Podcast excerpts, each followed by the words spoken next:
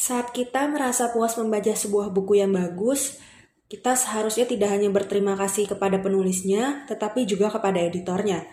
Sebelum resmi terbit sebagai buku, penulis bisa saja mengirimkan naskah tulisan yang mentah dan belum rapi. Di sanalah tugas editor untuk membenahi dan membuatnya matang. Di episode GWR Podcast kali ini, kami mengundang Yai Dewintia, seorang senior editor di Gramedia yang sangat berpengalaman dalam proses pencarian, penyuntingan, hingga penerbitan naskah tulisan. Lalu, bagaimana proses sebuah buku dapat terbit? Naskah tulisan seperti apa yang diminati editor dan penerbit? Yuk simak selengkapnya sampai habis.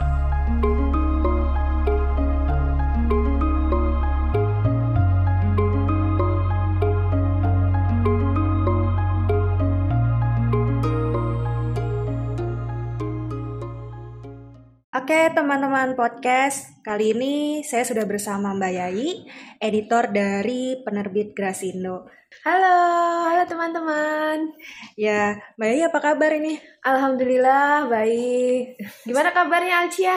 Alhamdulillah baik. uh, kegiatan Mbak Yai apa nih selama pandemi? Apa masih Eh, ke kantor atau lagi WFH? Ya, selama pandemi ini sebenarnya peraturan di kantor lebih ke work from home ya.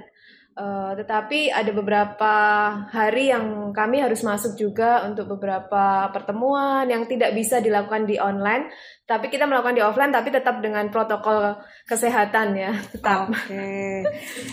Mbak Yai, uh, cerita sedikit dong Mbak, bagaimana mulainya menjadi senior editor dan sejak kapan?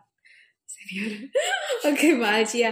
Jadi pernah, pertama kali masuk di penerbit Kompas Gramedia, tepatnya di Gramedia Widya Sarana Indonesia, Grasindo itu di 2007. 2007 okay.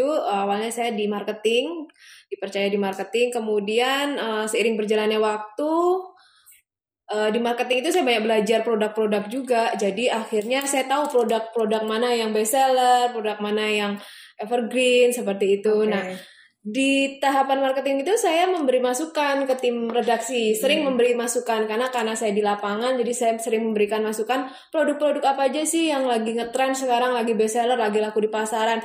Dan alhamdulillah awal mulanya itu memang tidak diterima sama pimpinan. Sebenarnya sebenarnya menjadi masukan ke, tapi uh, beberapa produk yang saya ajukan tuh saya pengen banget ini kayaknya harus terbit nih di Grasindo harus punya Grasindo nih. Okay. Tetapi uh, saat itu pimpinan saya yang sebelumnya memang uh, hanya menerima tetapi belum uh, apa ya belum eksekusi gitu. belum mengeksekusi. Hmm. nah akhirnya uh, berganti tiga pimpinan akhirnya saya tetap melakukan itu apa ide itu. Akhirnya dengan pimpinan yang terakhir ini uh, idenya dieksekusi dan alhamdulillah Mbak Alcia itu produknya sekarang menjadi best seller luar biasa jadi dari iya. marketing itu udah paham pasar nah ya? iya jadi saat 2017 saya dipercaya akhirnya masuk ke editor di penerbitan di redaksi jadi okay. uh, eh, karena dari lapangan itulah saya bisa masuk uh, menjadi editor di redaksi ini oke okay. seperti itu oke okay. Uh, Mbak Yai, buku-buku seperti apa nih yang sudah Mbak Yai tangani sampai okay. saat ini? Buku yang sudah ditangani sebenarnya banyak banget ya. Kalau dari segi departemennya dilihat itu ada buku religion, okay. kemudian children book juga saya uh, pernah menangani, kemudian di novel juga ada beberapa yang saya tangani. Kemudian di departemen school book atau di referensi itu ada buku soal-soal saya juga pernah menangani. Oh ya, udah semua buku dong. ya, hampir hampir luar biasa ya Mbak Yai. Mbak Yai uh, di penerbit ini bekerja sendiri uh, untuk mengedit sebuah naskah atau ada tim yang lain? Ya, Oh, yang pasti nggak mungkin kalau sendiri ya, nggak ah, bisa. Ah, iya, iya, iya. Pasti satu tim. Ada beberapa tim yang ikut andil di situ untuk menerbitkan sebuah Ya, aku penasaran nih Mbak. Jadi tahap-tahap dalam menerbitkan sebuah buku tuh apa aja sih Mbak? Uh, yang pasti seleksi naskah. Naskah masuk itu kami seleksi, kemudian kalau masuk kriteria akan kami teruskan untuk diskusi dengan penulis. Okay. Nah, diskusi dengan penulis itu kita akan mengeksplor uh, kekuatan masing-masing. Jadi dari penerbit bisa memberikan apa, dari penulis akan memberikan apa. Kemudian dari segi naskahnya juga akan dibawa ke mana, akan dibuat seperti apa. Itu itu sangat intens di situ. Di awal mula buku sebelum diterbitkan itu pasti uh, lebih intens komunikasi dengan penulis. Kemudian setelah itu kita akan membuat perjanjian kerjasama yang ditandatangani oleh kedua belah pihak. Itu sebagai badan apa ya hukumnya Perjanjian. perjanjiannya, ya. Kemudian di situ nanti proses ada proses editing, ada layouting, kemudian ada pembuatan cover. Terus tidak meninggalkan lagi tim editor juga harus melakukan plan marketing. Jadi tidak hanya tim marketing sendiri, kita akan berdiskusi di situ uh, seperti apa plan marketingnya sebelum buku ini terbit. Oke. Okay. Kemudian uh, dengan bagian promosi kita juga berdiskusi. Setelah itu nanti ada proofreading. Jadi sebelum uh, naskah itu dicetak, sebelum naik cetak itu harus ada proofreading dari masing-masing uh, editor atau dengan penulisnya juga. Kemudian setelah itu dicetak, kemudian distribusi dan promosi tetap berjalan seperti itu. Oke.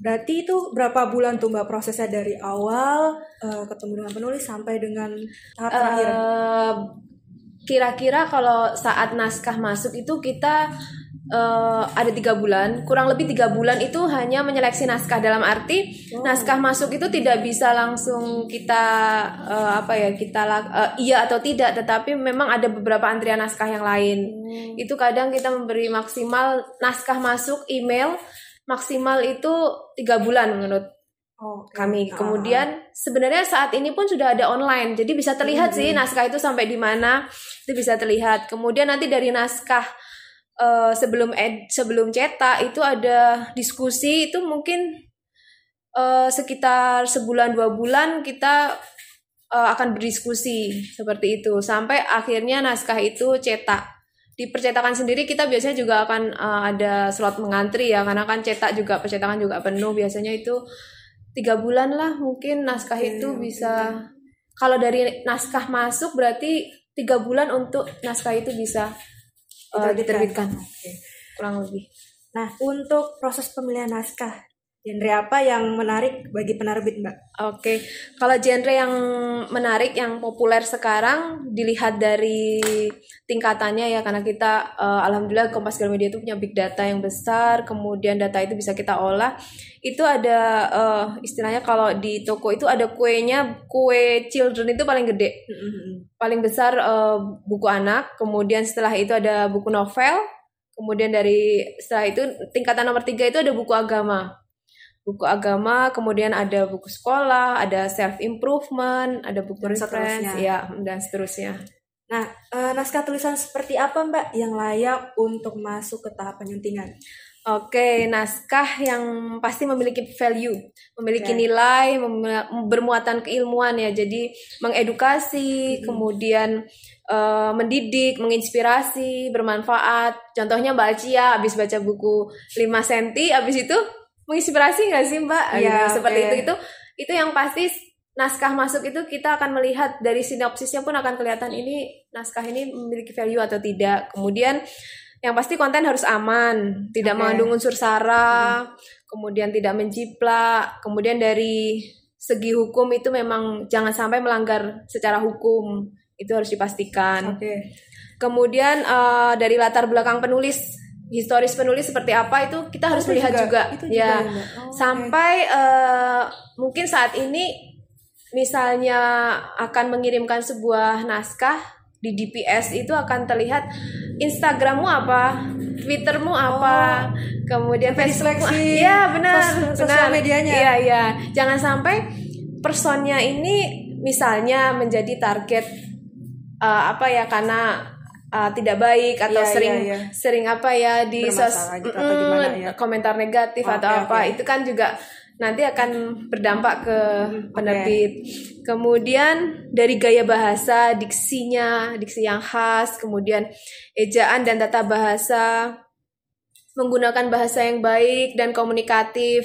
Kemudian pembaca kan akan merasa senang, mudah memahami isinya. Itu menjadi uh, salah satu masuk tahapan juga bisa disunting atau tidak. Okay. Kemudian trennya yang diminati yang diminati saat ini apa sih? Jadi uh, tren pembaca sekarang apa sih? Nah, seperti okay. itu. Itu juga bisa dilihat dari data-data yang sudah ada. Kita sudah memiliki. Kemudian dari target pembacanya juga ini targetnya siapa sih? Itu juga bisa menjadi salah satu kriteria untuk buku itu diterbitkan. Oke. Okay. uh, pada proses penyuntingan itu editor dan penulis itu harus diskusi gitu nggak sih mbak? Iya benar itu sangat penting itu harus harus tadi ada tahapan uh, untuk menerbitkan sebuah buku seperti apa itu saya juga sudah jelaskan bahwa diskusi dengan penulis itu menjadi salah satu faktor yang utama. Nah berapa lama biasanya proses diskusi ini? Proses diskusi yang paling intens di awal-awal sebelum buku itu terbit. Sebelum okay. buku itu terbit, kita memang harus intens sekali dengan penulis. Tapi setelah terbit juga kita juga intens dengan penulis, tetapi tidak tidak seintens dengan buku itu sebelum, sebelum terbit. terbit. Ya, ya, biasanya seperti itu. Oke. Okay.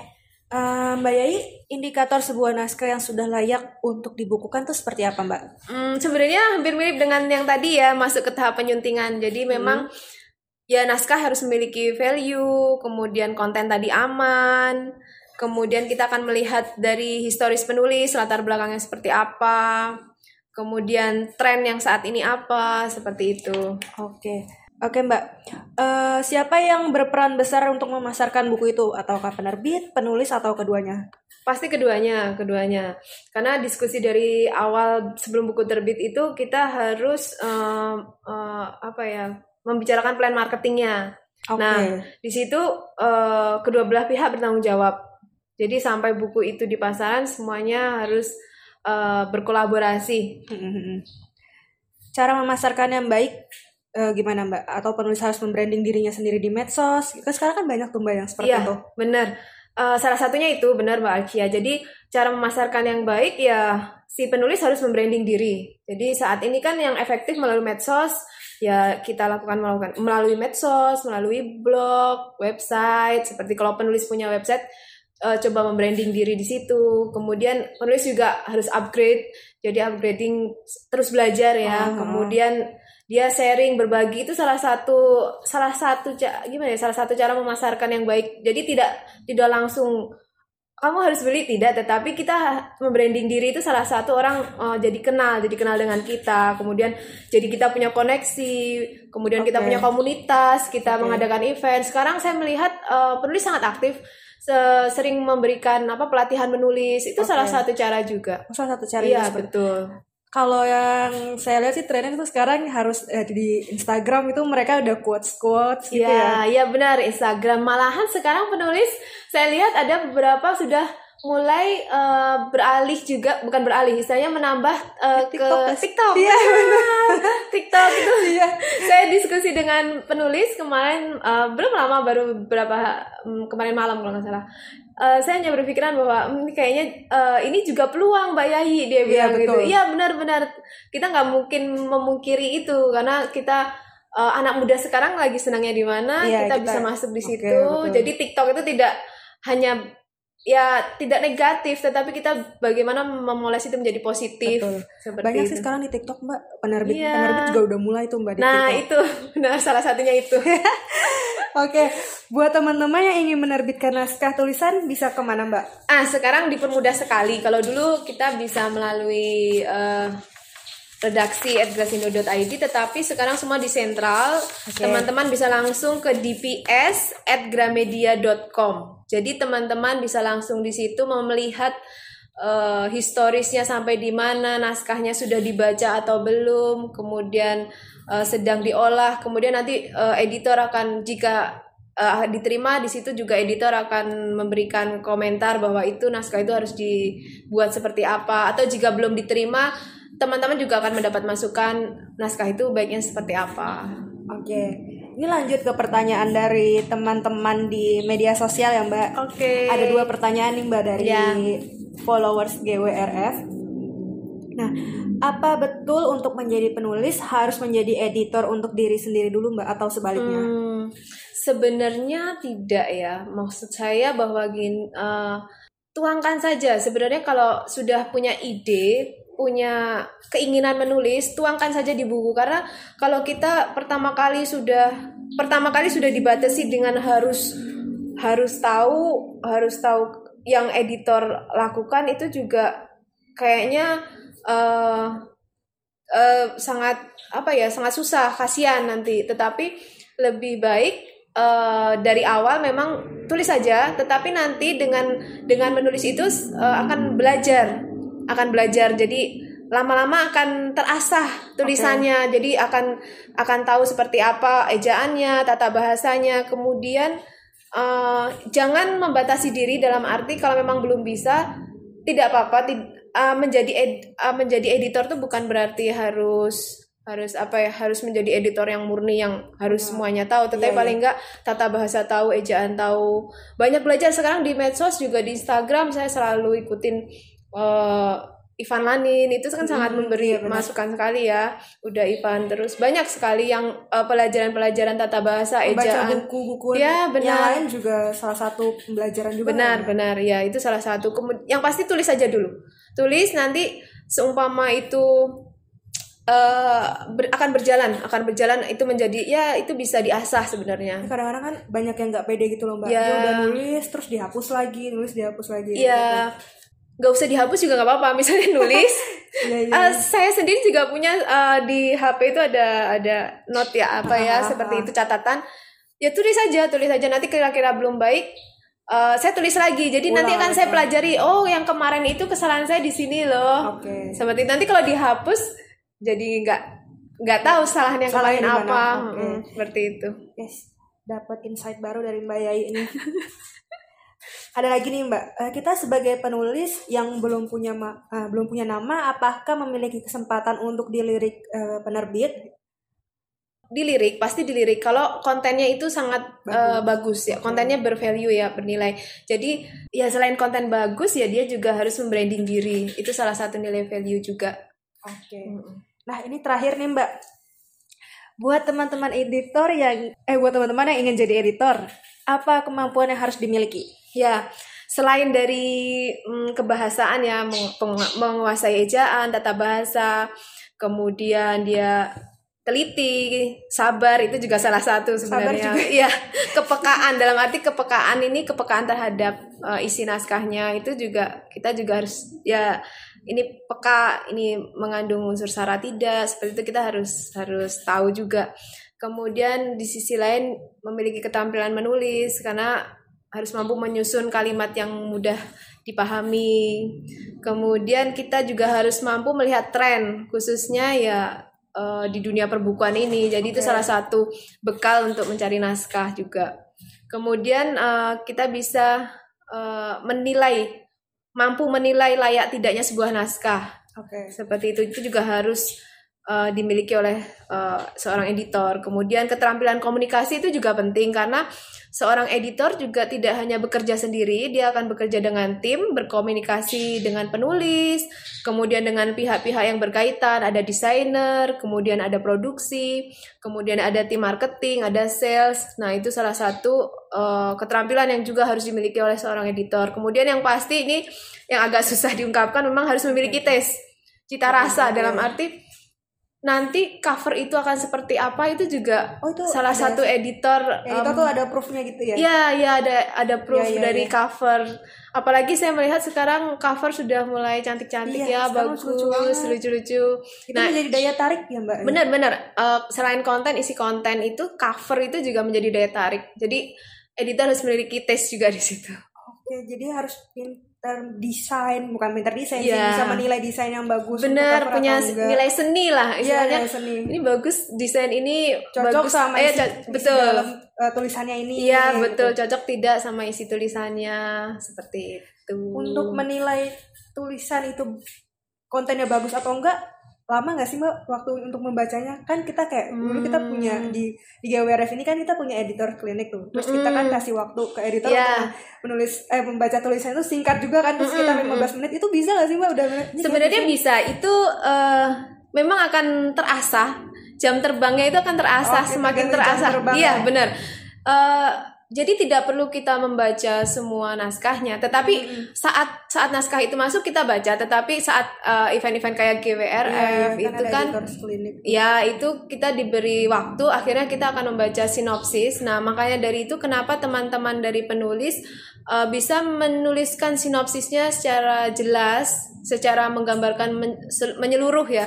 Sebenarnya ya. sinopsis yang dikirimkan awal mula ke editor itu tidak berbeda ya berbeda dengan sinopsis yang ada di balik buku saat ini yang oh, buku okay. yang sudah jadi oh beda ya ah beda Nah, yang sinopsis yang dikirimkan teman-teman awal mula ke penerbit itu harus uh, rangkuman dari keseluruhan itu. Jadi mencoba okay. merangkum seluruh uh, okay, naskahnya. Okay, okay. Berarti kalau itu. yang di belakang buku ini udah edit editor juga ya? Ya, itu sudah sudah saya itu ringkasan yang ringkasan sarinya aja, sarinya. biasa sih dari buku setebal itu sampai sarinya sedikit itu, itu kan belakang buku. Benar. Oke. Okay. Terima kasih banyak atas iya, sharingnya Mbak. Terima kasih juga. Semoga uh, sehat-sehat selalu ya Mbak. Amin. Semoga teman-teman Alkia dan semua sehat selalu juga. Amin. Terima kasih banyak Mbak Yai. Terima Selamat kasih. sore. Sore. Begitulah proses dan tahapan sebuah naskah tulisan dapat terbit menjadi sebuah buku. Kesimpulannya, editor adalah jalan tengah yang mempertemukan gagasan penulis dengan ekspektasi pembaca. Nah, semoga perbincangan tadi bisa memberi kamu banyak wawasan dan manfaat ya. Untuk kamu yang ingin mengirimkan naskah tulisan, kamu bisa kunjungi Gramedia Writing Project di gwp.id. Di sana banyak sekali teman-teman yang sudah menerbitkan karyanya. Atau kamu yang masih bingung di mana mencari inspirasi tulisan, kamu bisa kunjungi gramedia.com atau toko Gramedia untuk cari inspirasi dan referensi bacaan. Terakhir, terima kasih sudah mendengarkan. Stay safe, jaga kesehatan, dan sampai jumpa di episode GWRF Podcast selanjutnya. Salam inspirasi.